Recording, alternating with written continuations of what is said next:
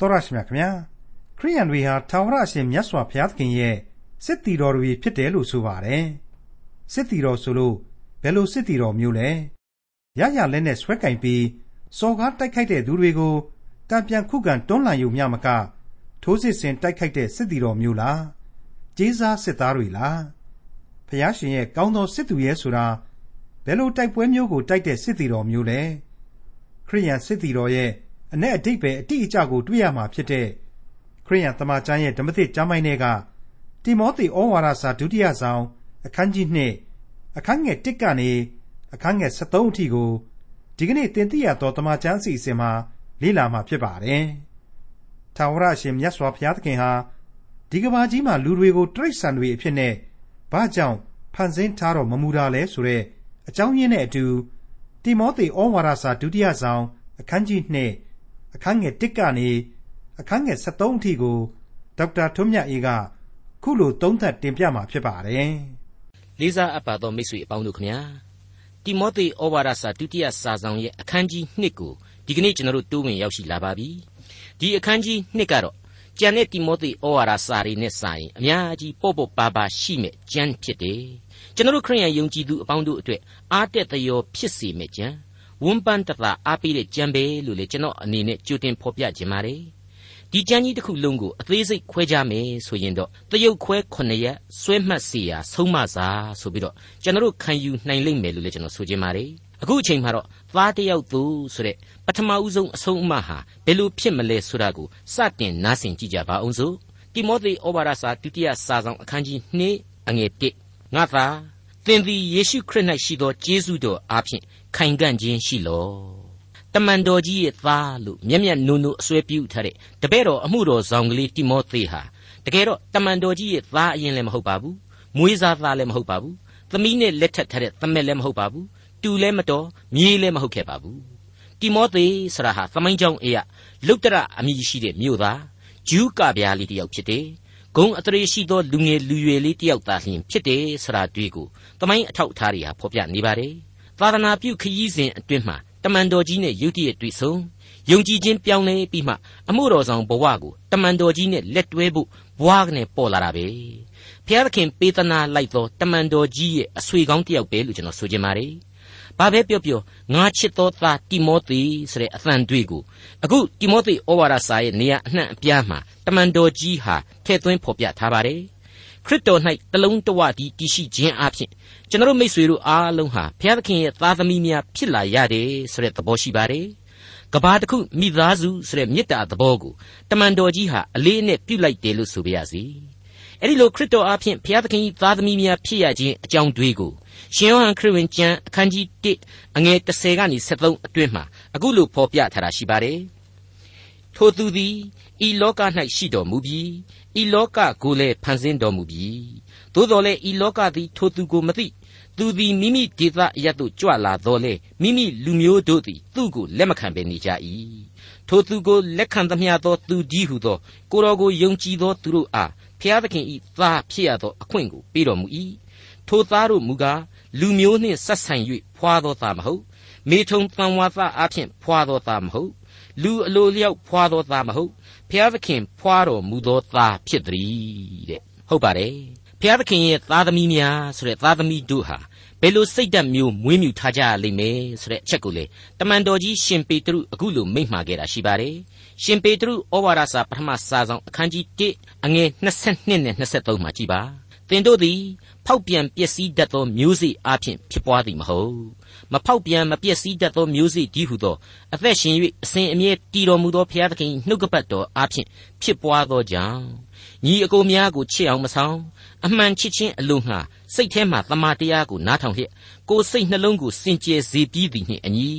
စင်ကြယ်သောစိတ်နှင့်အချင်းချင်းအာကြီးသောချစ်ချင်းမေတ္တာရှိကြလော့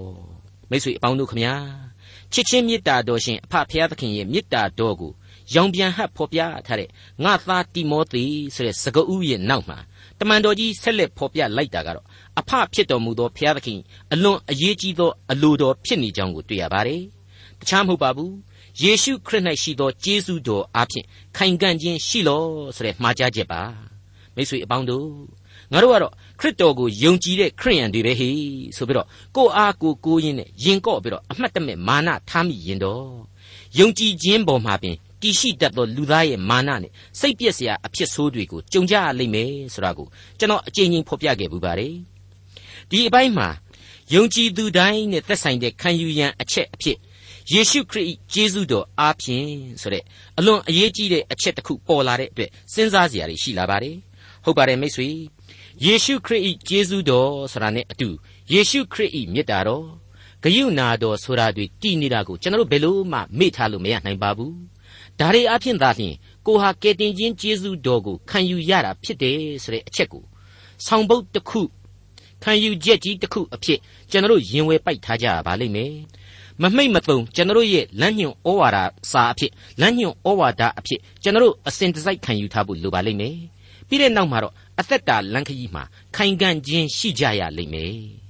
ခရစ်တော်၌ရှိသောကျေးဇူးတော်နှင့်ခိုင်ခံ့ခြင်းရှိဆရာဟာ အတိတ်ပဲသိပ်ပြီးတော့ကျယ်ဝန်းလွန်းနေတယ်လို့ကျွန်တော်ခံယူပါတယ်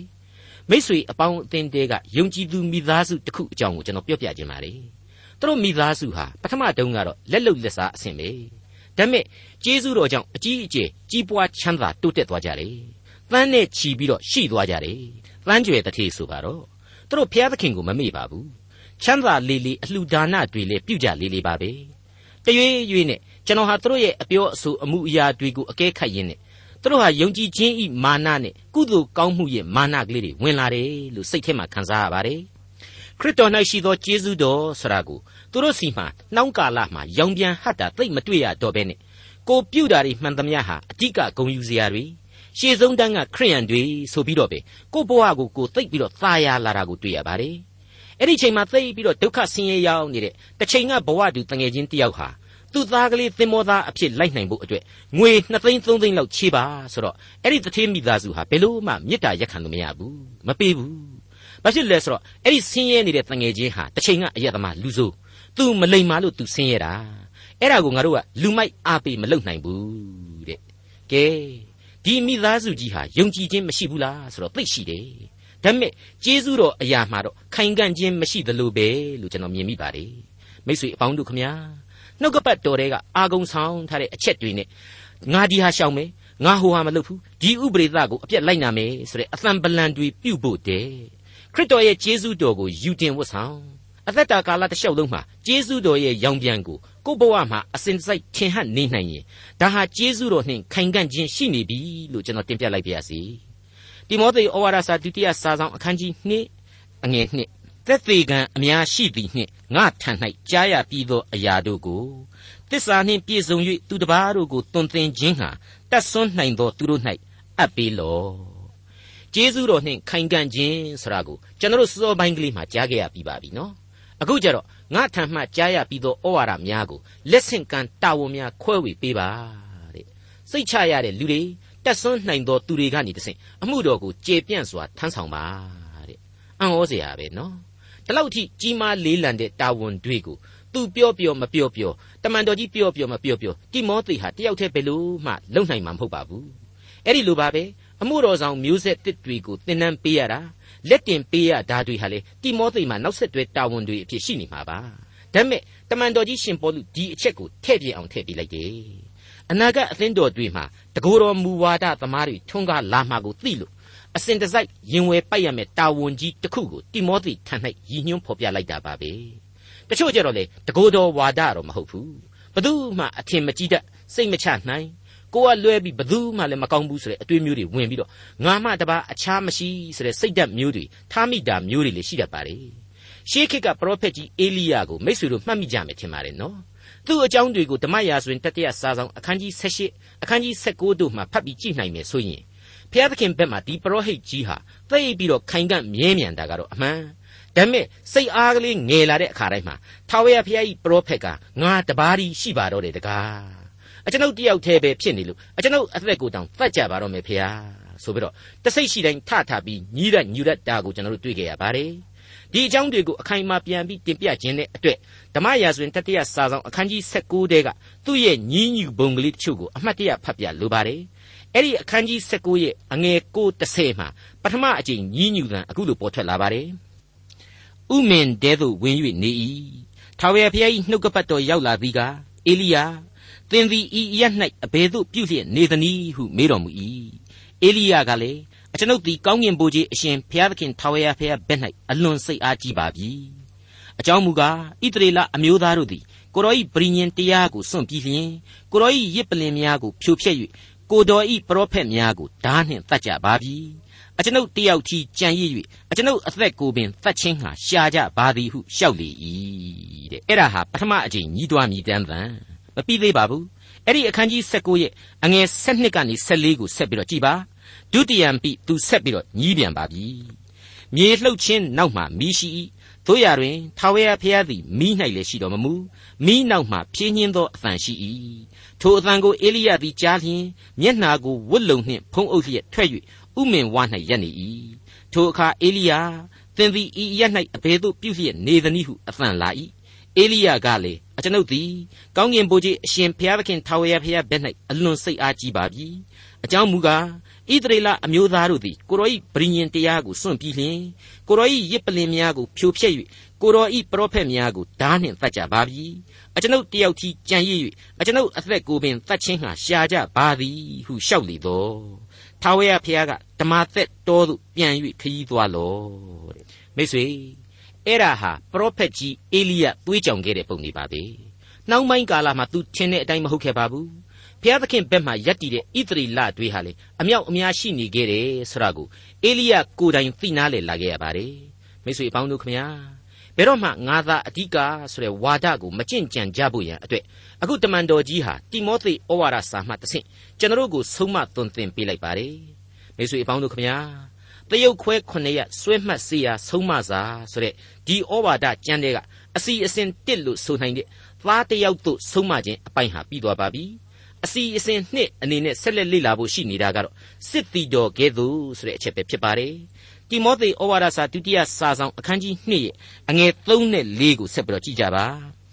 ယေရှုခရစ်ထံ၌ကောင်းသောစစ်သူရဲ့ကဲ့သို့ဆင်းရဲဒုက္ခကိုပြီးခံလော့စစ်သူရဲ့မြည်သည်ကမိမိကိုစစ်သူရဲ့အရာ၌ခန့်ထားသောသူကိုနှစ်သက်စေခြင်းငှာ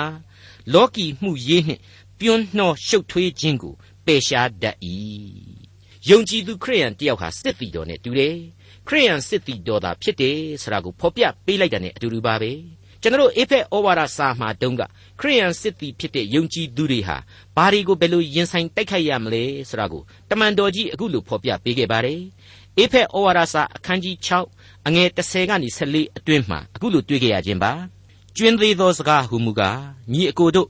သခင်ဖျားအားဖြင့်တကိုးတော်အရှိန်အားဖြင့်ခိုင်ခံ့ခြင်းရှိကြလော့မာနဤပရိယေတို့ကိုစီးတားနိုင်မည်အကြောင်းဖျားသခင်ပြင်ဆင်တော်မူသောလက်နှင့်စုံကိုဝတ်ဆောင်ကြလော့အကြောင်းမူကား ငါတို့သည်အသွေးသားရှိသောရန်သူတို့နှင့်ဆိုင်ပြိုင်တိုက်လှန်ရကြသည်မဟုတ်အထွတ်အမြတ်တို့နှင့်၎င်းအာနာစက်တို့နှင့်၎င်းလောကီမှောင်မိုက်၌အစိုးတရားပြုလုပ်သောမင်းတို့နှင့်၎င်းမိုးကောင်းကင်၌နေသောနတ်ဆိုးတို့နှင့်၎င်းဆိုင်ပြိုင်တိုက်လှန်ရကြ၏ထို့ကြောင့်ခဲရင်ဆိုးရုပ်သောနေ့ရက်ကာလ၌စီးတားနိုင်သဖြင့်ကိစ္စအလုံးစုံတို့ကိုပြီးစီး၍ခံရနိုင်မည်အကြောင်းဘုရားသခင်ပြင်ဆင်တော်မူသောလက်နှင့်စုံကိုယူဆောင်ကြလော့ သစ္စာဒီဟုသောခါးပန်းကိုစီးလျက်ဖြောင့်မတ်ခြင်းပါရမီဒီဟုသောရင်အုပ်တစားကိုဝတ်ဆင်လျက်ငြိမ်သက်ခြင်းနှင့်ရှင်သောဧဝံဂေလိတရားကိုဟောပြောအံ့သောငါပြင်ဆင်သောအဖြစ်ဒီဟုသောခြေစွပ်ကိုစွတ်လျက်ခံရကြလော့တဲ့ဟုတ်ပါတယ်အခုအချိန်မှာတမန်တော်ကြီးရှင်ဘောလူထပ်ပြီးပြောပါတယ်ဆင်းရဲဒုက္ခကိုသီးခံပါတဲ့စစ်တိုက်ရတယ်စီရေးလေ့ကျင့်ရတယ်ဆိုတာဟာအင်မတန်ပင်ပန်းဆင်းရဲတဲ့အလုပ်မျိုးပဲစစ်မြေပြင်မှာတံပေါက်စားခြင်းလို့မရနိုင်ဘူး အိုက်စခရီးလေးစားခြင်းပါတယ်ဆိုပြီးတော့တောင့်တလို့လည်းမဖြစ်နိုင်ဘူးစာရမဏတ်ကိုအနိုင်တိုက်ချင်တဲ့ယုံကြည်သူဟာဇာတိပဂိစန္ဒရမက်တွေကိုချိုးနှိမ်ပြရလိမ့်မယ်ဘုရားသခင်စေခိုင်းတဲ့အလုပ်အလိုတော်ရှိတဲ့လမ်းဟာကျိန်ဖန်များစွာမှာကိုယ့်အလိုဆန္ဒတွေကိုညှင်းပယ်ရတဲ့လမ်းများလေးဖြစ်တတ်ပါတယ်ဒီနေရာမှာကိုတော်ရှင်ဤဘက်မှာမှုတော်ဆောင်ခြင်းငှာကဲတင်ဖို့ရာဘသူရှိသနည်းဆိုတဲ့ဓမ္မတခြင်းတစ်ပုဒ်ကိုသတိရခြင်းစရာကောင်းလှပါတယ်အဲ့ဒီသိခြင်းရဲ့ဒုတိယအပိုက်ကတော့ တတ်တော်တဲသို့ဝင်သောအခါဂုံစည်းစိမ်ချမ်းသာခံစားလူသောကြောင့်သာစစ်သားမလုပ်ပါတဲ့ဒါဟာအင်မတန်ဝိညာဉ်ခွာပေးစွန်းသောသိခြင်းဖြစ်ပါတယ်စိတ်ဓာတ်ကိုလည်းအများကြီးတက်ကြွစေတယ်လို့ကျွန်တော်ခံယူပါတယ်အခုတမန်တော်ကြီးကဖော်ပြလိုက်ပြီလောကီမှုရေးနှင့်ပြွန်းနှောရှုပ်ထွေးခြင်းကိုပယ်ရှားတဲ့ဟုတ်ပါတယ်ရန်သူတွေဝိုင်းဝိုင်းလဲနေလို့ခေါင်းတောင်မှမဖော်နိုင်တဲ့အချိန်ဆေးလိပ်မီးလေးတောင်မှမညှိဝွင့်ရတဲ့မညှိနိုင်တော့တဲ့အခြေအနေမျိုးကြီးမှာဘိုးကြီးဘိုးကြီး ကျွန်တော်ကအိမ်ကမိန်းမကိုလွန်းလို့ခဏလောက်မြို့ကိုပြန်ကျင်ပါတယ်ခင်ဗျာဆိုပြီးတော့တွားပြီးလုပ်လို့မရဘူးစစ်စည်းကမ်းနဲ့ညှိလို့ကွာတာကြလိမ့်မယ်သဘောကောင်းလို့ဘိုးကြီးကခွင့်ပေးလိုက်ရင်လေအဲ့ဒီပုံကူမျိုးဟာလမ်းတင်ရန်သူသနတ်နဲ့ဝိုင်းပြလို့သိမှာပဲဒါကြောင့်မလို့ခရစ်တော်ရဲ့အမှုတော်ကိုဆောင်တဲ့သူတွေဟာအထူးသဖြင့်လောကီဆွဲလန်းခြင်းများကိုပယ်ရှားရမှာဟာသဘာဝကျပါတယ်အဲ့ဒီလိုပယ်ရှားရလို့လေကိစ္စမရှိပါဘူးစွန့်လွတ်ရလို့လေကိစ္စမရှိပါဘူးအေဖက်ဩဝါဒစာမှာပဲ ခရိယန်စစ်သည်တွေဟာဘယ်လိုတိုက်ပွဲအတွက်ပြင်ဆင်ဖို့လိုတာကိုဆက်လက်ပြီးဖော်ပြထားတာရှိပါတယ်အဓိကအားဖြင့်ခရိယန်စစ်သည်တော်ဟာခရစ်တော်၌မြဲမြံစွာယက်တည်ဖို့ဖြစ်ပါတယ်အောင်ပွဲနဲ့အတူဘုန်းတော်ကိုဝင်စားရမှာလေအသေးချာပဲဖြစ်ပါတယ်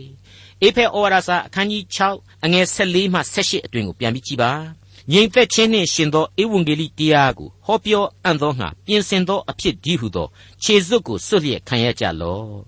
မာနပြစ်ခတ်သောမိဆက်လက်နှင့်ကိုကာသတ်နိုင်သောယုံကြည်ခြင်းဒီဟုသောလွှားကိုလေခသိန်းသောလက်နှင့်တို့အပေါ်မှာထပ်ဆင့်၍ယူဆောင်ကြလော့ကဲတင်ခြင်းဒီဟုသောတန်ခမောက်လုံးကို၎င်းဖျားသခင်နှုတ်ကပတ်ဒီဟုသောဝိညာဉ်တော်၏ဓာကို၎င်းယူကြလော့ကာလအစဉ်စိတ်နှလုံးပါလျက်ဆုတောင်းပတနာပြုခြင်းအမျိုးမျိုးတို့ဖြင့်ဆုတောင်းကြလော့ထို့သောဆုတောင်းခြင်းငါအာမလျော့ဘဲလျက်ငါမှစ၍တန်ရှင်းသူအပေါင်းတို့အဖို့ဆုတောင်းလျက်စောင့်ရှောက်ကြလော့ ငါသည်ဧဝံဂေလိတရားကြောင့်တန်ကြိုးနှင့်ချီနှောင်ခြင်းကိုခံလျက်တန်တမန်အမှုကိုပြုရသည်ဖြစ်၍ထိုတရား၏နည်းနည်းသောအရာကိုဖော်ပြခြင်းဟာငါသည်နှုတ်ကိုရဲရင်စွာဖွင့်လှစ်ခြင်းအခွင့်ရှိမည်အကြောင်းကို၎င်းထိုတရားကိုဟောပြောအပ်သည်နှင့်အညီရဲရင်စွာဟောပြောမည်အကြောင်းကို၎င်းငါအဖို့လဲဆုတောင်းကြလော့မိတ်ဆွေနှစ်အချက်ဖြစ်တဲ့စစ်တီတော်ကဲ့သို့ဆိုတဲ့အကြောင်းကိုတွေ့ရပြီးတဲ့နောက်မှာတော့အာကစားသမားပမာဆိုတဲ့နံပါတ်3အချက်ကိုဆက်လက်တင်ပြဖို့လိုလာပါတယ် တိမောသေဩဝါဒစာဒုတိယစာဆောင်အခန်းကြီး2အငယ်9ပွဲ၌လူချင်းတိုက်သောသူမြည်သည်ကထုံတန်းအတိုင်မတိုက်လျင်ပန်းဥယစ်ကိုမရတဲ့ရှေးခေတ်နပန်းပွဲကြီးတွေကိုပမာဆောင်ထားပါတယ်အဲ့ဒီမှာလူလူချင်းနှပန်းလုံးတာမျိုးကိုယ့်ရဲ့ဇာတိပဂရိအစွဲအလန့်တွေစန္ဒရမက်တွေနဲ့ယုံကြည်သူဟာနှပန်းလုံးရတတ်တယ် အဲ့ဒီခါမှာတော့ထုံတန်းဆိုတဲ့နှုတ်ကပတ်တော်ဤဥပရိသတို့ကိုစိတ်စိတ်စဉ်းစားပြီးလိုက်နာရင်းနဲ့အောင်ပန်းကိုရယူနိုင်ပါတယ်ဆိုပြီးတော့တမန်တော်ကြီးဖော်ပြပေးလိုက်တာပါဟုတ်ပါတယ်အင်္ဂလိပ်ကတော့ဒီနေရာမှာ strive lawfully ဆိုပြီးတော့သုံးနှုန်းထားပါတယ်ဥပဒေနဲ့ညီညွတ်စွာဆိုတဲ့အဓိပ္ပာယ်ဖြစ်ပါတယ်အဲ့ဒီ lawfully ဆိုတာကိုပဲတိမောသေဩဝါဒစာပထမစာဆောင်အခန်းကြီး1တုန်းကတော့တရားကိုတရားသဖြင့်သုံးခြင်းဆိုပြီးတော့ဖော်ပြခဲ့တာကိုကျွန်တော်အသေးစိတ်ရှင်းလင်းတင်ပြခဲ့ပါသေးတယ် အဲ့ဒီတိမောသေဩဝါဒစာပထမစာဆောင်အခန်းကြီး1အငယ်8မှ7အတွင်းမှာကျွန်တော်တို့အခုလိုကြားနာခဲ့ကြရပါတယ်ပြည့်ညတ်တရားကိုတရားသဖြင့်ကျင့်တော်သူအဖို့မထားမတရားသဖြင့်ကျင့်တော်သူနားမထောင်တော်သူ ဖျားကိုမကိုးကွယ်တော်သူအပြစ်ထင်ရှားတော်သူမသန့်ရှင်းတော်သူဖျားတရားကိုမယုံမသိပြုတော်သူမိဘကိုညှင်းဆဲတော်သူလူအသက်ကိုတတ်တော်သူမတရားသောမေထုံ၌နှိဝဲတော်သူယောက်ျားချင်းမေထုံကိုပြုတော်သူလူကိုခိုးသွားတော်သူမှုသာစကားကိုသုံးတော်သူမဟုတ်မမှန်ပဲကျိန်ဆိုသောသူမှစ၍စင်ကြယ်သောဩဝါဒနှင့်ဆန့်ကျင်ဘက်ဖြစ်သမျှတို့အဖို့ပညာတရားကိုထားသည်ဟုသိမှတ်၍ထိုတရားကိုတရားသဖြင့်သုံးသောသူ၌ ပညာတရားသည်အကျိုးကိုပေးတတ်သည်ဟုငါတို့သိကြ၏ထို့သောဆိုသော မင်္ဂလာရှိတော်မူသောဘုရားသခင်၏ဘုန်းကြီးသောဧဝံဂေလိတရားနှင့်ညီသည်အဲ့ဒီလိုတွေ့ကြရခြင်းပါမိတ်ဆွေအပေါင်းတို့ပြည့်ညတ်တော်တွေဟာမတရားမှုအပြစ်လူပေါင်းတစ်ခုလုံးအတွက်ဖြစ်တည်လာရတယ်ဆိုတာကိုသိနာလေခြင်းအပြင်ပြည့်ညတ်တော်တို့ရဲ့တရားကိုသဘောဟာကိုယ့်ကိုအပြစ်ရှိကြောင်းနဲ့တကွကယ်တင်ရှင်ကျေးဇူးတော်ကိုမင်းတို့မြန်မြန်ခံယူကြပါဆိုပြီးတော့သွန်သင်နေတယ်။ တနည်းအားဖြင့်ပြည့်ညတ်တော်အပေါင်းတို့ဟာကယ်တင်ရှင်သခင်ခရစ်တော်ကိုယုံကြည်ဖို့လမ်းပြပေးနေတယ်ဆိုတာကိုခံယူရင်ဒါဟာပြည့်ညတ်တော်များကိုတရားသဖြင့်ကျင့်ခြင်းပဲ။တရားကိုတရားသဖြင့်မြင်ခြင်းပဲခံယူသုံးဆွဲခြင်းပဲဆိုတာကိုအဲ့ဒီအပိုင်းတွေမှာကျွန်တော်အသေးစိတ်ရှင်းလင်းဖော်ပြခဲ့ပြီးဖြစ်ပါတယ်။ဒါကြောင့်မလို့အခုထုံတန်းအတိုင်းအားပြိုင်ပြီးတော့အနိုင်ယူရင်ပန်းဥယျစ်ကိုရမယ်။ထုံတန်းအတိုင်းမလိုက်နာရင်မရဘူးမရနိုင်ဘူးဆိုတဲ့အတိတ်ပဲဟာ ကယ်တင်ရှင်ကိုအားကိုးခိုးလှုံပြီးတော့ဘဝတိုက်ပွဲကိုအောင်ပွဲခံရမယ်ဆိုပြီးဖော်ပြလိုက်တာ ਨੇ အတူတူပဲဖြစ်ပါတယ်။သောတာရှင်မိတ်ဆွေအပေါင်းတို့ခမညာ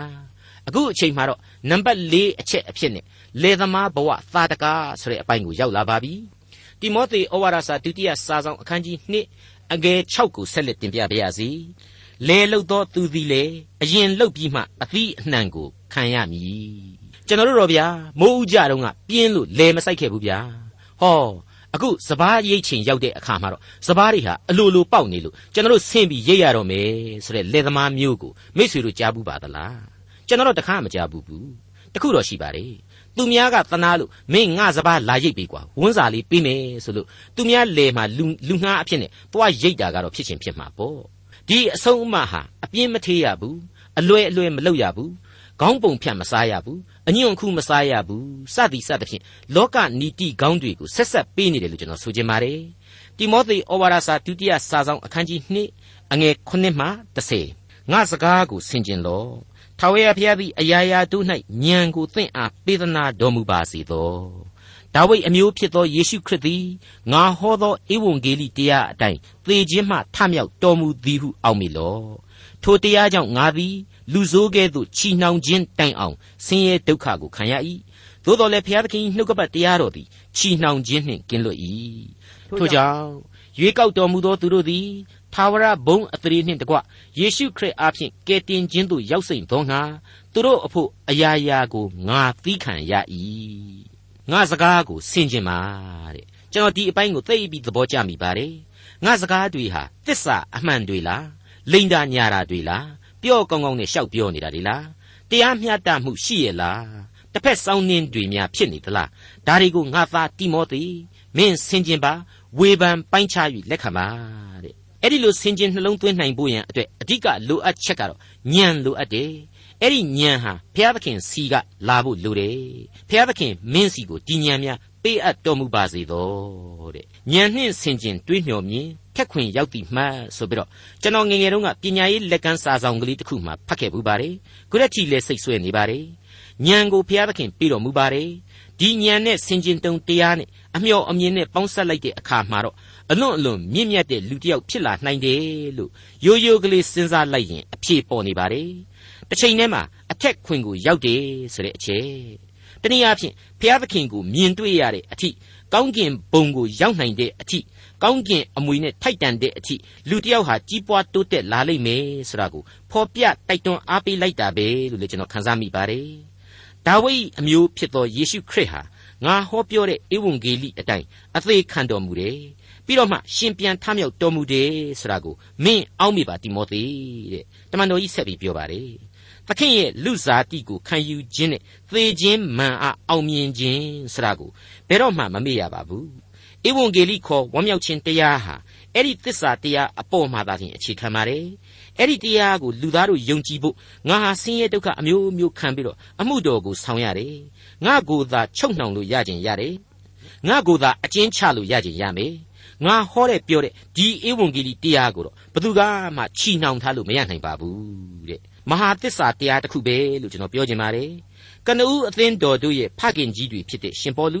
ရှင်ပေတရုမှစတဲ့တမန်တော်ကြီးတွေဟာလောကအသက်တာခရီးစဉ်တွေအလွန်ကြမ်းတမ်းခဲ့ကြပါတယ်။စိုးစိုးရွားရွားအသက်ဆုံးခဲ့ကြရတယ်ဆိုပြီးတော့လေသမိုင်းကဖော်ပြနေပါတယ်။သူတို့တီထောင်ပေးခဲ့တဲ့အသင်းတော်ရဲ့မျိုးဆက်သစ်ခေါင်းဆောင်တွေဟာလေသာသနာမာတုရာများအဖြစ်ဆက်လက်ပြီးတော့တက်ဆွန့်ကြိုးပမ်းဆိုသလိုယုံကြည်ခြင်းတရားကိုစောင့်ရှောက်သွားခဲ့ကြတယ်ဆိုတဲ့အကြောင်းတွေကိုသမိုင်းစာမျက်နှာတွေဟာကပီးတင်လျက်တွေ့ရပါတယ်။ကမ္ဘာသမိုင်းမှာခရိယန်ဘာသာလောက်အဆုံးစီရင်ခံရတာမရှိ။ ခရိယန်ဘာသာလောက်ကြီးထွားခဲ့တာလည်းမရှိလို့ကျွန်တော်တို့ဆိုရမှာပါတိမောသေဩဝါဒစာဒုတိယစာဆောင်အခန်းကြီး2အငယ်7သစ္စာစကားဟူမူကားထိုသခင်နှင့်အတူသေလျင်အတူရှင်လိမ့်မည်သခင်နှင့်အတူဘယ်လိုလုပ်ပြီးသေနိုင်မှာလဲသခင်ကိုယုံကြည်ခြင်းဟာသခင်ရဲ့သေခြင်းကိုကိုယ့်ရဲ့သေခြင်းအဖြစ်ခံယူတာပဲဒါကြောင့်ယုံကြည်သောနေ့ဟာသခင်နဲ့အတူသေသောနေ့သာဝရအသက်ကိုစတင်ခံယူရာနေ့ဖြစ်ပါတယ် ယုံကြည်ခြင်းအသက်တာကာလတစ်လျှောက်လုံးယုံကြည်သူကိုတန်ရှင်းသောဝိညာဉ်တော်ဟာထာဝရအသက်တာအတွက်အစဉ်တစိုက်စောင့်ရှောက်ပေးသွားပါတယ်။မြေဘဝမှသည်အနန္တကာလစီအထိပါ။တိမောသေဩဝါဒစာဒုတိယစာဆောင်အခန်းကြီး2အငယ်7သီးခံလျင်ထိုသခင်နှင့်အတူစိုးစံလိမ့်မည်ထိုသခင်ကိုငါတို့သည်ညင်းပယ်လျင်ငါတို့ကိုညင်းပယ်လိမ့်မည်အင်မတန်ကိုယ့်ဘက်ကိုကိုရက်တက်တဲ့လူတွေအဖို့ဖျားဖြစ်နေပြီးတော့ကွာစေတလုံးပိုင်နေလဲဆိုသေးရဲ့ ငါတို့ကိုပဲ तू ကဖန်ဆင်းထားပြီးတော့ तू ချစ်တယ်ဆိုရင်တစ်ချက်တည်းကောင်းငင်ဘုံကိုဆွဲတင်လိုက်ရင်ပြီးတာပဲမဟုတ်လားဆိုပြီးတော့ကျွန်တော်တို့ပြောတတ်ကြတယ်တွေးတတ်ကြတယ်မိတ်ဆွေဒီလိုသာဆိုရင်တော့ तू ဟာကျွန်တော်တို့ကိုလူအဖြစ်ဖန်ဆင်းမှာမဟုတ်ပါဘူး တရိษံအဖြစ်သာလွှတ်ထားပြီးတော့တရိษံဆိုင်ရာအထက်ပုံတစ်ခုကိုသီးသန့်ဖွင့်လှစ်ပေးရုံပဲရှိပါတယ်တစ်ချက်မှလည်းလှည့်ကြည့်စရာအကြောင်းမရှိသလိုအသက်လန်းနှုတ်ကပတ်တော်ဆရာဟာလည်းရှိဖို့မလိုနိုင်တော့ပါဘူးအခုတော့ဒီလိုမဟုတ်ပါဘူးသခင်ကိုညင်းပယ်လျင် ငါတို့ကိုညင်းပယ်လိမ့်မည်တဲ့သခင်ကစတင်ညင်းပယ်တာမဟုတ်ပါဘူးနော်ဒါကိုကျွန်တော်တို့သတိထားကြရပါလိမ့်မယ်ကျွန်တော်တို့ကစတင်ညင်းပယ်တာသာဖြစ်ပါတယ်ကဘာဦးသမိုင်းကိုပြန်ပြီးစဉ်းစားကြည့်ပါဖျားသခင်ကိုစတင်ညင်းပယ်ခဲ့တာဟာလူသားသာဖြစ်ပါတယ်အဲ့ဒီအချိန်ကလေးကစပြီးတော့ဖျားသခင်ကိုညင်းပယ်ခဲ့တဲ့လူသမိုင်းဟာအခုတည်းထိလဲညင်းပယ်နေစေဖြစ်ပါတယ်အသင်းတော်ခေါင်းလောင်းတန်ကြီးတွေဟာကဘာအနှံ့မှာထိုးတန်တွေလွင်နေပါတယ် ဇာတိပဂရိအသွေးအသားဖောက်ပြန်မှုတွေဟာလေအပုပ်နှံတွေတထောင်းတောင်းထားလျက်ရှိနေပါတယ်တိမောသေဩဝါဒစာဒုတိယစာဆောင်အခန်းကြီး2အငယ်73ငါတို့သည်မယုံကြည်တော်လဲထိုသခင်သည်တစ္ဆာတီးသဖြင့်ကိုကိုညင်းပေတော်မမှုနိုင်သခင်ဘက်ကတော့ဂရိသစ္စာဟာအစဉ်တည်နေတယ်ဆိုတာကိုတိမောသေမှတဆင့်တမန်တော်ကြီးရှင်းလင်းပေးလိုက်ပါတယ်အဲ့ဒီလိုဂရိသစ္စာတည်ခြင်းကြောင့်လေကိုကိုကိုညင်းပေတော်မမှုတဲ့အဲ့ဒါဟာမျက်စိလေခြင်းစရာပဲ ကျွန်တော်ကျတော့ကိုကိုကိုညင်းပယ်ရမယ်တဲ့ဟုတ်ပါတယ်ကျွန်တော်ကကိုကအဟုတ်မဟုတ်လို့ကိုကိုကိုညင်းပယ်ရတယ်ဂရိသစ္စာတည်သောဘုရားသခင်ကတော့အဲ့ဒီဂရိသစ္စာကိုအမြဲဆောင်ယူပြီးတော့လူခတ်သိန်းတို့ကိုစောင့်မှကြည့်ရှုတယ်စီရင်ဆုံးဖြတ်တော်မူတယ်ဆိုတဲ့သဘောပဲမိတ်ဆွေအပေါင်းတို့တရုတ်ခွဲ9ရက်နှစ်ဆွဲမှတ်စီရာဆုံးမစာလို့ကျွန်တော်ဖော်ပြခဲ့တဲ့တိမောသေဩဝါဒစာဒုတိယစာဆောင်အခန်းကြီး2သင်ခန်းစာတွေမှာတရုတ်ခွဲ၄ခုဖြစ်တဲ့သားတယောက်အတွက်ဩဝါဒ စစ်တီတော်ဤဥပမာအားပြိုင်သူတို့ဤပုံသက်သည်လေသမားတို့ဤသာရကစသည်ဖြင့်တရုတ်ခွဲ၄ရက်အကြောင်းတွေကိုမိษွေတို့ကြားနာခဲ့ကြပြီးပါပြီနောက်ထပ်တရုတ်ခွဲ၃ရက်ကြန့်ရှိနေသေးတာကိုနောက်တနေ့အစီအစဉ်မှာဆက်လက်တင်ပြပေးသွားအောင်မှာဖြစ်လို့စောင့်မျှော်နားဆင်ကြပါရန်ကြိုတင်တင်ပြလိုက်ပါတယ်ဒေါက်တာထွန်းမြတ်ရေးစီစဉ်တင်ဆက်တဲ့တင်ပြတော်တမချန်းအစီအစဉ်ဖြစ်ပါတယ်နောက်တစ်ချိန်အစီအစဉ်မှာခရိယန်တမချန်းရဲ့ဓမ္မသစ်ကျမ်းပိုင်းတွေက တိမောသေဩဝါဒစာဒုတိယဆောင်အခန်းကြီး2အခန်းငယ်14ကနေအခန်းငယ်26အထိကိုလေ့လာမှဖြစ်တဲ့အတွက်စောင့်မျှော်နားဆင်နိုင်ပါတယ်။